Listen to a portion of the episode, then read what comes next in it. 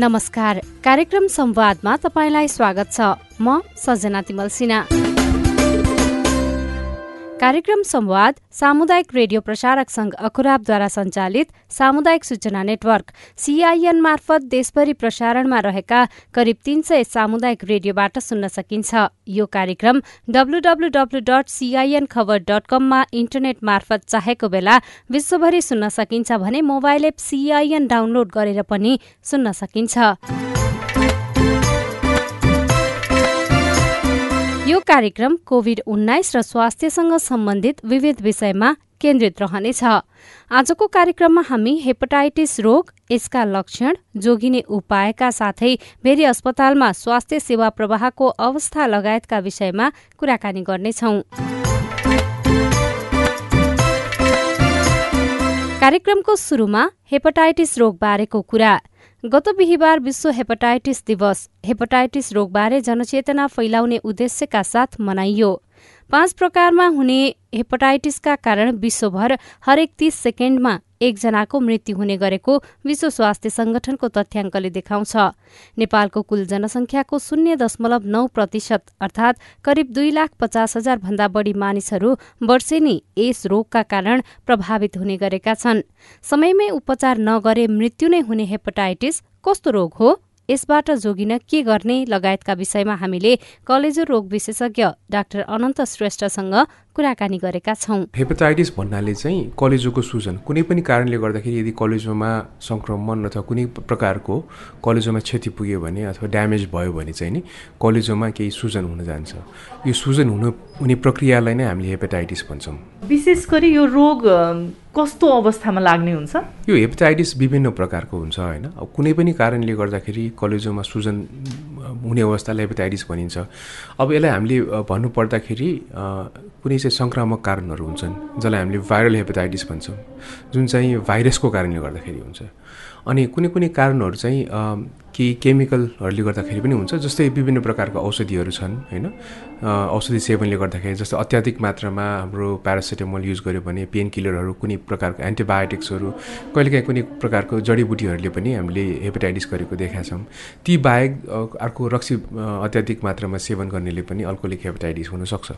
तर हामीले विश्व हेपाटाइटिस डेको दिन दिनमा चाहिँ हामीले यो सङ्क्रमणको कारणले गर्दाखेरि हुने हेपाटाइटिसहरू अथवा भाइरल हेपाटाइटिसलाई हामीले बढी फोकस गर्छौँ। सो यो भाइरल हेपाटाइटिसहरू चाहिँ जीवाणुहरू जुन चाहिँ हामी आँखाले देख्न सक्दैनौँ होइन? तर हाम्रो कलेजोको कोशिकामा गएर लुकेर बस्छन् र क्रमशः बिस्तारै बिस्तारै क्रम यो कलेजोको कोशिकाहरूमा ड्यामेज गर्न सक्छ र लामो समयसम्म ड्यामेज गऱ्यो भने कलेजो फेल पनि हुने र कहिलेकाहीँ त्यसले कलेजोको क्यान्सर पनि निम्ति आउन सक्छ। अब यो हेपाटाइटिसहरूलाई हामीले भन्नु पर्दा चाहिँ बेसिकली पाँच प्रकारका छन् होइन? यसलाई चाहिँ हामीले नामहरू चाहिँ यो हाम्रो अङ्ग्रेजी वर्णमाला जस्तै एबिसिडिई गरेर नाम दिएका छौँ एकदम सजिलो होइन? र यिनीहरू सबै चाहिँ भिन्नै भिन्नै जीवाणुहरू हुन् भिन्नै भिन्नै रोगहरू हुन्। हामीले समग्रमा भन्नुपर्दाखेरि हेपाटाइटिस ए र ई चाहिँ खाना र पानी दूषित खाना र पानीबाट सर्ने गर्छ। र यसले गर्ने भनेको चाहिँ हाम्रो वर्षायाममा हामीले प्रायः मान्छेहरूलाई जन्डिस देख्छौँ नि होइन? हो त्यो चाहिँ हेपाटाइटिस ए र ईको कारणले गर्दाखेरि हुन्छ। यदि भनिरहँदाखेरि चाहिँ नि हेपाटाइटिस भन्नु र जन्डिस भन्नु चाहिँ भिन्नार्थ हो। एउटै कुरा होइन। हेपाटाइटिसले गर्दा जन्डिस हुनसक्छ।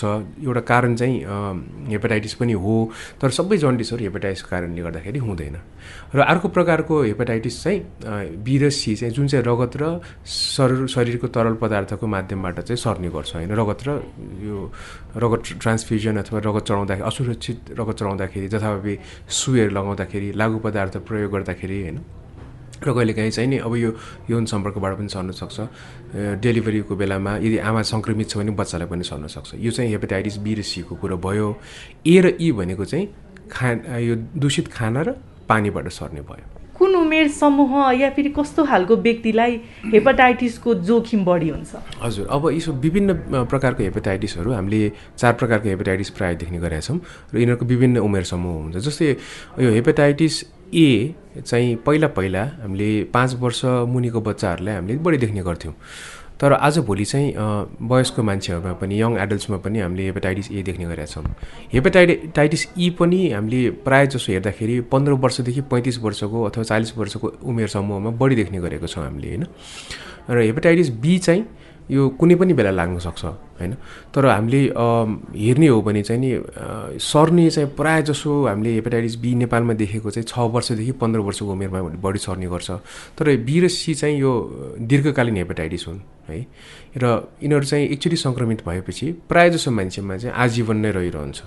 र हेपाटाइटिस सीको कुरा गर्ने हो भने चाहिँ नि फेरि यसको उमेर समूह चाहिँ फेरि युजली एसएलसी सकिसकेपछि सोह्र वर्षभन्दा माथिको व्यक्तिहरूमा लाग्ने गर्छ। कारण के हो भने हेपाटाइटिस सीको प्रमुख सर्ने कारण चाहिँ लागु पदार्थ प्रयोग गर्ने। यो त बच्चाहरूमा त हुने होइन। प्रायः जसो यङ एडल्ट्सहरूमा भर्खरको टिनेजरहरूमा ड्रग्समा जाने गर्छ। सो हेपाटाइटिस सी सर्ने उमेर चाहिँ हाम्रो सोह्र वर्षभन्दा माथि भयो। तपाईँको छ वर्षदेखि पन्ध्र वर्षको उमेरमा चाहिँ सर्ने चाहिँ हेपाटाइटिस बी भयो। पाँच वर्ष मुनिको बालबालिकालाई सर्ने हेपाटाइटिस ए हो। तर आजभोलि अलिकति ठुलोलाई पनि भइरहेछ। र हेपाटाइटिस ईको चाहिँ हाम्रो कुरा गऱ्यो भने चाहिँ नि हामीले त्यो यङ एडल्ट्समा पन्ध्र वर्षदेखि हामीले पैँतिस वर्षको एजमा चाहिँ हामीले बढी देख्ने गरेका छौँ। कुनै पनि हेपाटाइटिस यदि कुनै पनि व्यक्तिलाई लाग्यो भने लक्षणहरू सबै सामान जस्तै हुन्छ या फरक फरक लक्षणहरू देखिन्छ? राम्रो प्रश्न गर्नुभयो। हेपाटाइटिस ए र ई चाहिँ दूषित खाना र पानीबाट सर्छ। सो यसको लक्षण भनेको चाहिँ वाक वाक आउने खाना नमन लाग्ने क्रमशः शरीर पुरै पहेँलो हुँदै जाने होइन? र त्यसले गर्दाखेरि चाहिँ नि पेटको माथिल्लो दाहिने भागमा भागमा कहिले हल्का दुख्ने पनि हुनसक्छ। तर हेपाटाइटिस ए यी खाना र पानीबाट सर्ने हो र यो चाहिँ अल्पकालीन हेपाटाइटिस भन्छ। हामीले एकदेखि तिन महिनामा यो युजली जन्डिस निको हुन्छ र यो हेपाटाइटिस ए यी हराएर जान्छ। लामो समयसम्म शरीरमा रहिरहँदैन यिनीहरू चाहिँ। तर हेपाटाइटिस बी र सीमा चाहिँ कस्तो हुन्छ नि त्यो सर्दाखेरि प्रायः जसो मान्छेमा केही पनि सङ्केत अथवा कुनै सिम्टम्स हुँदैन। है थाहा नै नभइकन सर्छ त्यो। अनि यो लिभरमा बसेर बिस्तारै बिस्तारै बिस्तारै ड्यामेज गर्छ होइन? यो दीर्घकालीन रूप लिन्छ यसले। भनेपछि एकचोटि शरीरमा छिरेपछि रहिरहन्छ नहटिकन तर ड्यामेज पनि एकदम बिस्तारै गर्छ। त्यसैले गर्दाखेरि कुनै पनि यो सिम्टम्स देखिने हुँदैन। र लामो समयसम्म ड्यामेज गरिरहँदाखेरि कलेजो एकदमै धेरै क्षति भयो भने त्यसलाई कलेजो कडा हुन जान्छ। त्यो अवस्थालाई सिरोसिस भन्छ र कलेजोको क्यान्सर पनि हुनसक्छ। सो बी र सी भनेको सिरोसिस र क्यान्सर गर्छ। ए र ईले चाहिँ हाम्रो अल्पकालीन हेपाटाइटिस गर्ने भयो। हेपाटाइटिसको कुरा गर्दै गर्दाखेरि लाग्ने कुरा पनि हामीले बुझ्यौँ होइन? कुन उमेर समूहलाई लाग्छ पनि बुझ्यौँ। यसबाट हामी जोगिनको लागि चाहिँ के के गर्न सक्छौँ? सो अघि मैले भने जस्तो हेपाटाइटिस ए र ई त दूषित खाना र पानीबाट भयो होइन? सो खाना चाहिँ र पानीको चाहिँ जुन सुरक्षा जुन छ सफा पानी पिउने। सफा पानी भनिरहँदाखेरि चाहिँ अब विभिन्न प्रकारको पानीहरू प्रयोग गर्छौँ विभिन्न प्रकारको ठाउँमा होइन? अब कुनै ठाउँमा ढा धाराको पानी युज गर्छौँ कुनै ठाउँमा ट्युबवेलको गर्छौँ कुनै ठाउँमा तपाईँको जारको पानी काठमाडौँमा धेरै प्रयोग गर्छ। अब कुन पानी कस्तो छ भनेर त हामीलाई कसैलाई पनि थाहा हुँदैन होइन? र पानीबाट सर्ने रोग चाहिँ जस्तै हैजा पनि भयो टाइफाइडदेखि लिएर अब थुप्रै प्रकारको रोगहरू पनि छन्। सो त्यसैले गर्दा सबैभन्दा एकदमै सजिलो उपाय हेपाटाइटिस ए र ईबाट बस्नको लागि चाहिँ पानी उमालेर खाने व्यवस्था गर्नुपर्ने हुन्छ। पानी उमालेर खायो भने चाहिँ हेपाटाइटिस एई मात्रै होइन कि हैजादेखि लिएर विभिन्न डाइरियाहरू अरू रोगहरूबाट पनि बच्न सकिने भयो। त्यसै गरेर अनि खाना उ गर्दाखेरि खाँदाखेरि पनि दूषित खानाहरूबाट चाहिँ बस्नुपर्ने हुन्छ। यदि घरमा कोही हेपाटाइटिस ए लगा लागेको व्यक्ति अथवा भर्खरै जन्डिसबाट निको भएको व्यक्ति छ भने ती व्यक्तिले चाहिँ खाना नपकाउँदा बेस किनभने पकाउने क्रममा त्यो खानाहरू दूषित हुनसक्छ र तपाईँको खाने व्यक्तिहरूलाई सर्न सक्ने भयो। अब हेपाटाइटिस बीको लागि चाहिँ नसर्नको लागि चाहिँ हामीले के बुझ्नुपर्छ भने सर्ने उमेर अघि भने जस्तै मैले चाहिँ स्कुल जाने बच्चाहरूमा छ वर्षदेखि पन्ध्र वर्षकोमा हो। त्यसैले गर्दाखेरि सबैभन्दा राम्रो भनेको हेपाटाइटिस बीबाट बस्नको लागि खोप हो। खोप चाहिँ तपाईँको नेपाल सरकारले चाहिँ दुई हजार चारदेखि नै होइन यो डिपिडीसँग नै हेपाटाइटिस बीको पनि खोप दिने व्यवस्था गरेको छ। तिनवटा डोज चाहिँ छ हप्तादेखि सुरु हुन्छ। सो खोपबाट चाहिँ धेरै बस्न सकिन्छ एउटा। त्यो बाहेक अरू बस्नको लागि चाहिँ नि यो कोही यदि हेपाटाइटिस बी लागेको व्यक्ति छ भने चाहिँ ती व्यक्ति ले प्रयोग गर्ने नेल कटर भयो टुथब्रस भयो रेजरहरू प्रयोग नगर्ने। हेपाटाइटिस बी लागेको व्यक्तिको घाउ भयो भने चोटपटक लाग्यो भने घाउलाई नछुने होइन? र त्यसलाई छुनै पऱ्यो भने नि पन्जा लाएर ग्लोभ्स लाएर मात्रै छुने। हेपाटाइटिस सीको त सजिलो छ एकदम किनभने यो दुर्वेसी दुर्वेसिनी अथवा इन्जेक्सनबाट सर्ने हुन्छ। जथाभावी यो निडलहरू प्रयोग नगर्ने जथाभावी ट्याटु नगर्ने होइन? र दुर् लागु पदार्थ दुर्व्यसनीबाट बच्ने। यो यो यो गऱ्यो भने त सजिलैसँग हेपाटाइटिस सीबाट बच्न सकियो। त्यसबाहेक यसको उपचारको कुराहरू पनि आउँछ। हामीले कसरी उपचार गर्ने कुन अवस्थामा अस्पताल जाने भन्ने कुराहरू पनि हुन्छ। यसमा पनि प्रश्न पारिदिनु। अब हेपाटाइटिस ए र ई त जन्डिस लिएर आउँछ। त्यो बेलामा बिरामी अलिकति सिक्ने हुन्छ। खान नमन वाक गाउने भोमिट गर्ने होइन अलिकति बिरामी नै हुन्छ। ती व्यक्तिहरू त अस्पताल त स्वास्थ्य कर्मीसँग सम्पर्कमा आउनै पर्यो। तर त्यसको लागि चाहिँ कुनै विशेष उपचार चाहिँ त्यो गर्नुपर्ने हुँदैन। किनभने दुई तिन महिनामा आफै जान्छ त्यो। रुगाखोकी जस्तै तपाईँको एकदम ग्रसित बनाउँछ त्यसपछि त्यो आफै जाने हुन्छ। सो त्यो बेलामा चाहिँ राम्रो खानपानको ध्यान दिनुपर्ने हुन्छ जथाभावी औषधि नखाने। जस्तै अब हामी जन्डिस हुने बित्तिकै विभिन्न प्रकारको औषधिहरू दिने गर्छ लिभर टनिकको नाममा होइन? र विभिन्न प्रकारको जडीबुटीहरू पनि प्रयोग गर्ने गर्छौँ। हो त्यो प्रयोग गर्नु के जरुरी हुँदैन?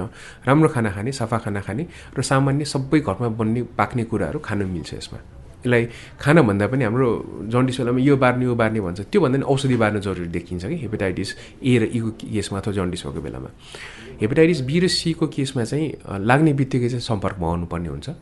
र हेपाटाइटिस सी जति पनि व्यक्तिलाई लागेको छ उनीहरूलाई उपचार गर्यो भने चाहिँ नाइन्टी नाइन पर्सेन्टदेखि नाइन्टी फाइभ पर्सेन्टदेखि नाइन्टी नाइन्टी नाइन पर्सेन्टमा चाहिँ त्यो निको पनि हुन्छ औषधि उपचारबाट चाहिँ सी चाहिँ। पुरै निर्मूलै गर्न सकिन्छ। हेपाटाइटिस बीको केसमा चाहिँ नि उपचार छ तर त्यो उपचारले निर्मूल गर्ने होइन। भाइरसलाई टोटली शरीरबाट हराउन सकिन् निकाल्न सकिन् सकिँदैन। तर तर हेपाटाइटिस बीले जुन गरेको ड्यामेज छ त्यो ड्यामेजलाई रोक्न सकिन्छ। औषधिले भाइरसलाई दबाएर राख्नुपर्ने हुन्छ। तर सबै व्यक्तिमा हेपाटाइटिस बी लागेको व्यक्तिमा चाहिँ फेरि उपचार गर्नुपर्ने जरुरी पनि हुँदैन। केही व्यक्तिहरू मात्रै गर्नुपर्ने हुन्छ। तर हेपाटाइटिस सीको चाहिँ अब उपचार छ निर्मूलै बनाउन सक्ने भएकोले जति पनि व्यक्तिलाई छन् उहाँहरू सबैलाई उपचार गर्नु सकिन्छ र गर्नु पनि पर्छ। यसको परीक्षण चाहिँ हामीले कुन विधिबाट गर्छौँ? कुनै पनि हेपाटाइटिस यदि हामीलाई लागेको छ भने परीक्षण चाहिँ कसरी गर्ने? त्यो रगतको परीक्षणको माध्यमबाट हुन्छ। विभिन्न एन्टिबडी अथवा एन्टिजेन टेस्टहरूबाट चाहिँ हामीले गर्छौँ र कहिलेकाहीँ हामीले डिएनए भन्छ पिसिआरको प्रविधिबाट पनि भाइरसको मात्राहरू हेर्नु मिल्छ त्यो पनि हेर्नु मिल्ने गर्छौँ। हेपाटाइटिस बाहेक अन्य बेलामा पनि हामीले हाम्रो कलेजोलाई कसरी स्वस्थ राख्न सक्छ? हजुर। अब हेपाटाइटिस कसरी प्रिभेन्ट गर्ने भन्ने कुरामा सफा खाना र पानीको हामीले त्यसमा हामीले चर्चा गऱ्यौँ र लागु पदार्थबाट बस्ने अन्नेसरी इन्जेक्सन ट्याटुहरूबाट पनि बस्ने भयो।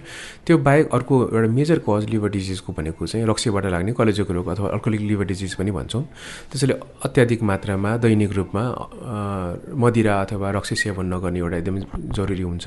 दोस्रो कुरा अहिले भर्खरै एकदमै हामीले देखिरहेको चाहिँ यो फ्याटी लिभर भन्छौँ अथवा कलेजोमा बोसो जाउने समस्या। यो चाहिँ कस्तो व्यक्तिमा हुन्छ भने जो व्यक्तिले रक्सी नखाए पनि कलेजोमा यदि चाहिँ कलेजोमा चाहिँ बोसो जम्ने समस्या हुन्छ भने ती व्यक्तिहरूमा चाहिँ प्रायः जस्तो मोटो भएको डायबिटिज भएको मान्छेहरू प्रेसर भएको होइन जसको कोलेस्ट्रोल एकदम हाई छ ती व्यक्तिमा चाहिँ हामीले यो कलेजोमा चाहिँ बोसो जम्ने समस्या र यसले पनि दीर्घकालीन रूपमा हेपाटाइटिस बी र सी जस्तै गरेर कलेजो सिरोसिस लिभर फेलियर कलेजो क्यान्सर समेत गराउन सक्छ। र त्यो बाहेक अरू इम्पोर्टेन्ट कारण कलेजोको रोगको चाहिँ औषधि। डिफ्रेन्ट केमिकल्सहरू होइन? अब कुनै पनि औषधि स्पेसली पेन किलर भनौँ हाम्रो एन्टिबायोटिक्सहरू भनौँ यिनीहरू चाहिँ स्वास्थ्य कर्मीहरूको परामर्श बिना चाहिँ प्रयोग नगर्ने। किनभने यो औषधिले गर्दाखेरि पनि थुप्रै हामीले drug induced liver injury drug induced hepatitis देखिरहेछौँ specially हाम्रो यो औषधि निमेसोलाइड निम्स भन्छौँ होइन? त्यो भयो। अत्याधिक मात्रामा सिटामल सेवन गऱ्यो भने अब सिटामल त यो सेफ औषधि हो तर कोही कोही व्यक्तिहरूले एकदम अधिक मात्रामा गर्छ। त्यसमा चार ग्राम आठ ग्रामभन्दा बढी खाइदिने हुन्छ। कसै कसैले सुसाइडल हिसाबले पनि खाइदिने हुन्छ। ती व्यक्तिमा हुन्छ। र गाउँघरमा कहिलेकाहीँ चाहिँ यो जङ्गली च्याउको सेवनको कारणले गर्दा पनि लिभर फेलियर हुने गरेको देखाएको छौँ। र त्यो बाहेक अनावश्यक आयुर्वेदिक अथवा जडीबुटी औषधिहरू होइन जसको चाहिँ टेस्ट राम्रोसँग भएको छैन जसको बारेमा सेफ्टी प्रोफाइल थाहा छैन तीहरू प्रयोग गर्दाखेरि पनि हामीले ड्रग इन्ड्युस लिभर इन्जुरी थुप्रै देखेको छौँ। यो ड्रग इन्ड्युस लिभर इन्जुरी चाहिँ आयुर्वेदिक मात्र होइन एलोपेथीमा पनि हुन्छ। सो औषधि कुनै पनि प्रकारको औषधि गर्दा स्वास्थ्य कर्मीको एकदमै राम्रो परामर्श लिएर चाहिएको अवस्था मात्रै गर्ने र हामीले यो पनि बुझ्नु जरुरी छ कुनै औषधिको साइड इफेक्टले लिभर पनि खराब हुनसक्छ। यो फ्याटी लिभर डिजिज जुन भयो जुन डायबिटिज प्रेसर मोटोपनसँग रिलेटेड छ त्यसको लागि चाहिँ खानपानमा चाहिँ स्वस्थ खानपान। स्वस्थ खानपान भनेको हामीले के बुझ्छौँ भने मोटो हुने खानपान होइन। होइन लिन हुने खाल भनेको हामी दुब दुब्लो र फिट रहने खालको खानपानहरू गर्नुपर्छ। यीमा चाहिँ हामीले हाम्रो नेपाली कल्चरमा चाहिँ हामी सधैँ भात खान्छौँ सेतो भात खान्छौँ। खास वास्तवमा यो सेतो भात भनेको राम्रो चिज होइन। त्यसको सट्टामा बरु रोटी च्याख्ला ढिँडो होइन ओट्सहरू भयो। यी गर्दाखेरि फापरको रोटी यिनीहरू चाहिँ अलि स्वास्थ्य प्रदायक हुन्छ र यसले मोटोपन डायबिटिज प्रेसर कोलेस्ट्रोल र फ्याटी लिभर सबैबाट बस्नलाई मद्दत गर्छ। त्यसै गरेर चिनी भयो गुलियो चिजहरू कम सेवन गर्ने रातो मासु र बोसोको सेवन कम गर्ने। अब आलु पनि त्यसले पनि सुगर बढाउँछ त्यसले पनि मोटो पनि ल्याउँछ। सो त्यो पनि त्यति राम्रो व्यवस्था कहिले काहीँ खानलाई ठिक छ? तर प्रायः जसो खानको लागि चाहिँ यीबाट चाहिँ अलिकति टाढै हुनुपर्छ। अर्को भनेको जङ्क फुड्सहरू हामीले कोक फ्यान्टाहरू धेरै खान्छौँ होइन। त्यसमा पनि धेरै सुगर हुन्छ। सो त्यो पनि एउटा मोटोपन र फ्याटी लिभरको एउटा प्रमुख कारण हुन आउँछ। धेरै चिल्लो भएको धेरै तारेको कुराहरू यिनीहरू पनि चाहिँ सेवन नगरेकै बेस। अर्को इम्पोर्टेन्ट भनेको तपाईँले व्यायामको एकदम राम्रो कुरा गर्नुभयो। दिनमा एटलिस्ट कम्तीमा पैँतालिस मिनट जति फटाफट हिँड्ने अथवा दौडिने गऱ्यो भने हप्ताको पाँच दिन गऱ्यो भने चाहिँ त्यसले मोटोपनबाट पनि जोगिन्छ तपाईँको फ्याटी लिभरबाट पनि जोगाउन सक्छौँ र लिभरलाई स्वस्थ बनाउन सक्छ। त्यति मात्र नभइकन प्रेसर सुगर र तपाईँको हार्ट एट्याकबाट पनि बच्न सकिन्छ। सो खानपान चाहिँ राम्रो नियमित रूपमा खाने नमोटाउने होइन र आफ्नो वेटलाई कन्ट्रोल गर्ने र नियमित व्यायामले कलेजोलाई मात्र नभइकन समस्त अरू अङ्गहरू र जस्तै हार्ट एट्याकदेखि लिएर तपाईँको सुगर प्रेसरहरूबाट पनि बस्नलाई एकदमै मद्दत गर्छ। कलेजोमा पानी धेरै खाएर समस्या हुने होइन दूषित पानी खाएर हो एउटा। अर्को कुरा चाहिँ कलेजो फेल भएको मान्छेमा जस्तो कलेजो सिरोसिस भइसकेको मान्छेमा चाहिँ धेरै पानी सेवन गर्नु चाहिँ हामी दिँदैनौँ होइन? किन सुनिने हुन्छ। तर सामान्य अवस्थामा चाहिँ कलेजोको रोग लाग्न नदिनलाई आफ्नो प्यास अनुसार दिनमा डेढ लिटरदेखि लिएर साढे दुई तिन लिटरसम्म प्रयोग गर्दाखेरि केही फरक पर्दैन त्यसले। र कले यो पानीसँग चाहिँ डाइरेक्टली रिलेसन चाहिँ तपाईँको किडनी स्टोनसँग बढी हुन्छ। डाक्टर श्रेष्ठले भने जस्तै हामीले आफ्नो कलेजोलाई स्वस्थ राख्नका लागि स्वस्थ खानपान व्यायाम लगायतका क्रियाकलाप गर्नुपर्ने हुन्छ। अब लागौं बाँकेको भेरी अस्पतालतर्फ। अस्पतालमा अहिले सेवा प्रवाह कसरी हुँदैछ? कोरोना संक्रमणको अवस्था कस्तो छ लगायतका विषयमा हामीले अस्पतालका प्रमुख डाक्टर बद्री चापागाईसँग सोधेका छौं। अहिले पछिल्लो समय भेरी अस्पतालमा कसरी स्वास्थ्य सेवा प्रवाह भइराखेको छ? भेरी अस्पताल पुरानो अस्पताल हो यहाँ बिरामीहरूको चाप पहिला पनि धेरै थियो अहिले पनि धेरै छ र अहिलेको टाइममा चाहिँ यो बिमालाई प्राइभेट कलेजहरूले प्राइभेट संस्थाहरूले उहाँहरूको चाहिँ पेमेन्टको चाहिँ इस्यु आइसकेपछि बिमारको बिरामीहरू एक्सेप्ट नगर्दाखेरि हाम्रो दैनिक बिरामीहरूको सङ्ख्या बढेको छ। पहिला करिब करिब तिन सय साढे तिन सय चार सयजना दिव्य सेवाग्राहीहरू आइराख्नु भएको अहिले पाँच सय जतिको टार्गेट हामीले चाहिँ मिट गरेका छौँ। त्यसले गर्दाखेरि सीमित हाम्रो भौतिक संरचनामा अब बिरामीको चाप पर्दाखेरि त्यसले भिडभाड डेफिनेटली बढाएको छ। हामी बिरामीहरूलाई सेवा प्रवाहमा सजिलो होस् भनेर थप बिमा काउन्टरहरू थप्ने टिकटिङ बिलिङको सिस्टमलाई अलिकति त्यसलाई आधुनिक बनाउने कुरामा प्रयास गर्छौँ।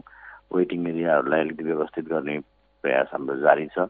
त्यस्तै ल्याबको सिस्टमहरूलाई पनि अपडेट गर्ने हामी चाहिँ यो तयारी अन्तिम चरणमा पुगि पुगिरहेका छौँ।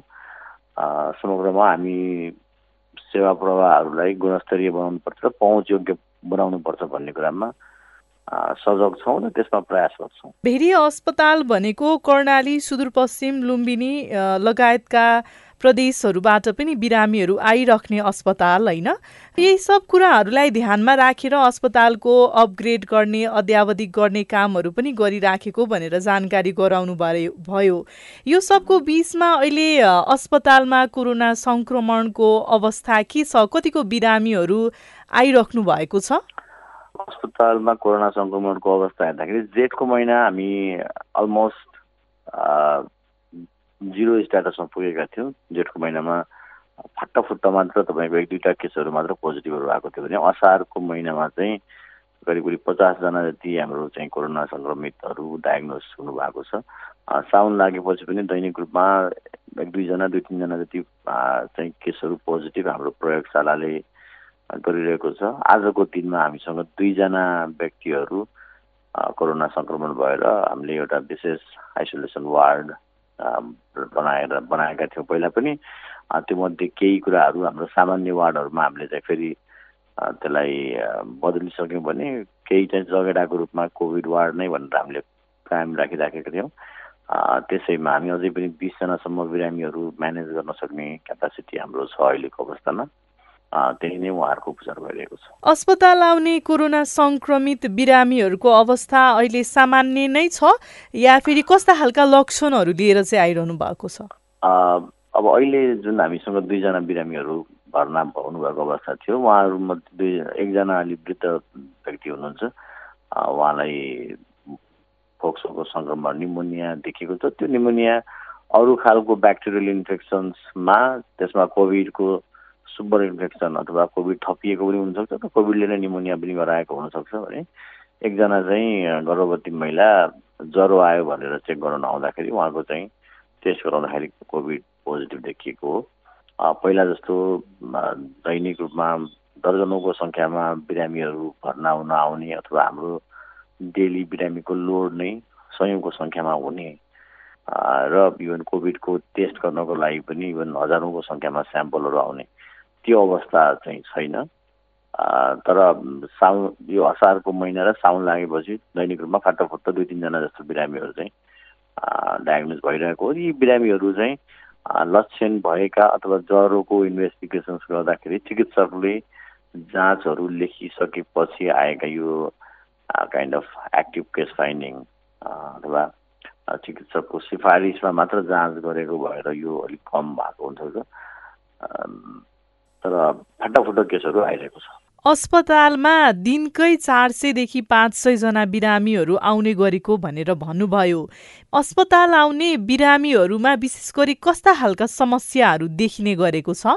अब यो मौसमको कारणले गर्दाखेरि अहिले बर्खायाम भएको भएर झाडा पखाला रुगा खोकी ज्वरो यी बिरामीहरूको सङ्ख्या अलिक बढी छ भने अब विषयगत रूपमा विभाग को हिसाबमा चाहिँ जस्तो कि स्किन रिलेटेड समस्याहरू फङ्गल इन्फेक्सन्सहरू नेपालको गर्मी ठाउँ भएको भएर फङ्गल इन्फेक्सन त्यसपछि अरू घमौराको यो कुराको कुराहरू एक प्रकारको भयो भने जेनरली मेडि मेडिसिन वार्डमा अथवा मेडिसिन विभागमा आउने बिरामीहरू चाहिँ झाडा पखाला रुगाखोकी यस्तै खालको कमन जुन हाम्रो पहिला पहिला पनि आइरहेको थिए त्यही नै स्पेक्ट्रमको बिरामीहरू छन्। अस्पतालमा बिरामीहरूको चाप बढ्दै गर्दाखेरि जनशक्ति व्यवस्थापनको कुरा पनि आउँछ। त्यसलाई चाहिँ कसरी व्यवस्थित गरिरहनु भएको छ? नेपाल सरकारले कोभिडको जुन अलिकति हाम्रो केस लोडहरू बढी थियो त्यति बेला चाहिँ व्यवस्थापन गर्नको लागि करारमा मान्छेहरू राख्नको लागि हामीलाई बजेट व्यवस्था गरेर पठाएको थियो। र अस्पतालको कुरामा चाहिँ हामीले एउटा निश्चित टार्गेट जस्तो कि कोभिड भयो भने कोभिडको लागि मात्र हेर्ने नर्सहरू राखेर मात्र पनि पुग्दो पुग्दैन। त्यो सँगसँगै सरसफाइ कर्मी सुरक्षाकर्मी इभन प्रयोगशालाको support plus even bill bill काउन्टरदेखि bill व्यवस्थापन त्यसरी चाहिँ जनशक्तिहरू थप्नुपर्ने हुन्छ। बिचमा नेपाल स्वास्थ्य मन्त्रालयले कोभिड अन्तर्गत भर्ना गरिएका कर्मचारीहरूमा पच्चिस पर्सेन्ट अत्यावश्यक कर्मचारीहरू राखेर अरूलाई चाहिँ अवकाश दिने भन्ने खालको निर्णयहरू गर्यो। हामीले पनि त्यही अन्तर्गत प्राय धेरै कर्मचारीहरूलाई उहाँहरूलाई चाहिँ उहाँहरूको चाहिँ करार हामीले एक्सटेन्ड गरेका छैनौँ भने अत्यावश्यक देखिने र कोभिड त पूर्ण रूपमा निष्क्रिय नभइसकेको अवस्थामा हामीसँग अझ दस बाह्रजना स्टाफहरू चाहिँ कोभिड कार्यक्रम अन्तर्गत हामीले भर्ना गरेका स्टाफहरूको म्याथ थप गरेका छौँ। र अब यो कुराहरू बिरामीको सङ्ख्या बढ्दै गयो भने अस्पतालले आफ्नै हिसाबमा द्रुत गतिमा पनि कर्मचारीहरू लिन नमिल्ने होइन र यसमा मन्त्रालयले हामीलाई सहयोग गर्छ भन्ने कुरामा हामी विश्वस्त छौँ। अहिले भनेको हामी चौथो लहरको जोखिममा पनि छौँ अस्पतालमा पनि बिरामीहरू बढ्दै गएका छन् फाटफुट्ट एक दुईजनाको मृत्यु पनि हुन थालेको छ। यो सबै कुरालाई ध्यानमा राखेर कस्तो खालको पूर्व तयारी गर्नुभएको छ? मेरो व्यक्तिगत धारणा चाहिँ के हो भने अब हामी कतिपय अवस्थामा कोभिडको व्यवस्थापनमा अलिकति अनुभव पनि भइसक्यो। अथवा हामी जुन हामी पहिला चाहिँ चाइनाको कुराहरू अथवा चाहिँ युरोप अमेरिकाको कुराहरू सुनेर एउटा धेरै सन्त्रस्त अवस्थामा थियौँ भने अब हामीले कोभिड व्यवस्थापनमा आफ्नै अनुभव लिइसक्यौँ।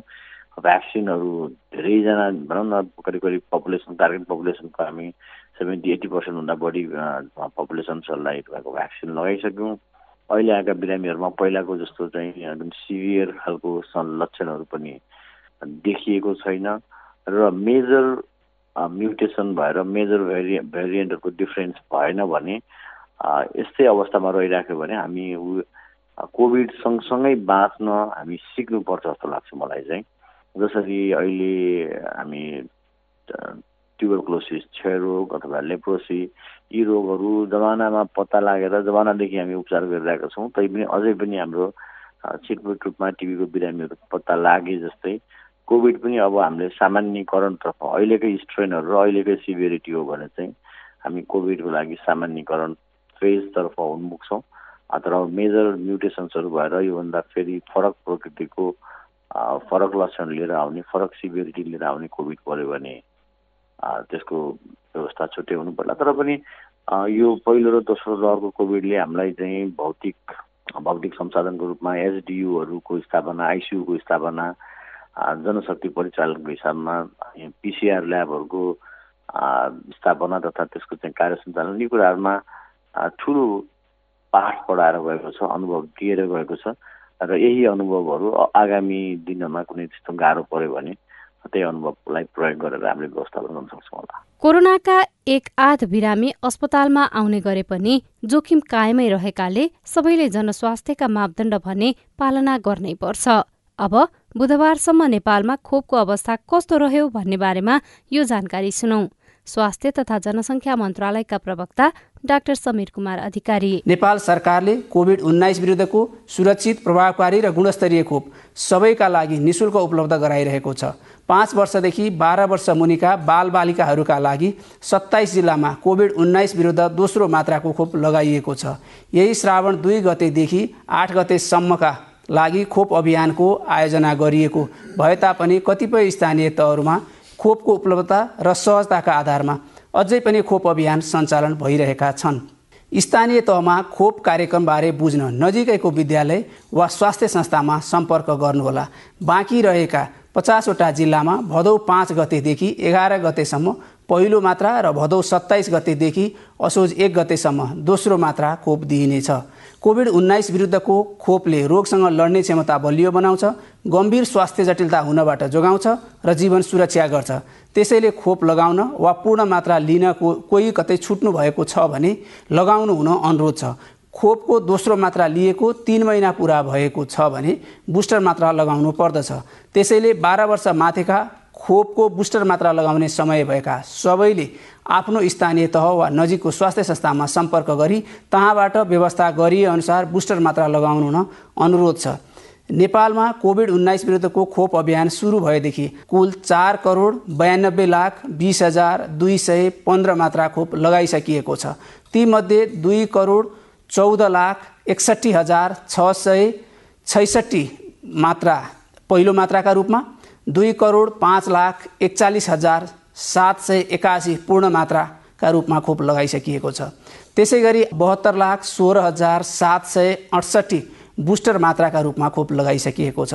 नेपालमा आजसम्म बाह्र वर्ष माथिका बयानब्बे प्रतिशतलाई पहिलो मात्रा र अठासी प्रतिशतलाई पूर्ण मात्रा खोप लगाइसकिएको छ। कुल जनसङ्ख्यामा त्रिहत्तर प्रतिशतलाई पहिलो मात्रा र सत्तरी प्रतिशतलाई पूर्ण मात्रा खोप लगाइसकिएको छ। तपाईँको छरछिमेकमा पनि कोही खोप लगाउन छुटेका छन् भने नजिकैको खोप केन्द्रमा खोप लगाउनका लागि आग्रह गर्नुहोला। यो कुराकानीसँगै आजको लागि कार्यक्रम संवादको समय सकिने लाग्यो। आजको विषयवस्तु तपाईँलाई कस्तो लाग्यो? तपाईँ हामीलाई हाम्रो टेलिफोन नम्बर शून्य एक बाहन्न साठी छ चार छमा फोन गरेर आफ्नो कुरा भन्न सक्नुहुनेछ। साथै तपाईँले हामीलाई Facebook page at the rate CIN खबरमा गएर पनि आफ्ना कुरा लेख्न सक्नुहुन्छ। सिआइएनले तयार पारेको कार्यक्रम संवादबाट प्राविधिक साथी सुरेन्द्र सिंहसँगै सजना तिमल सिन्हा विदा हुन्छु। नमस्कार।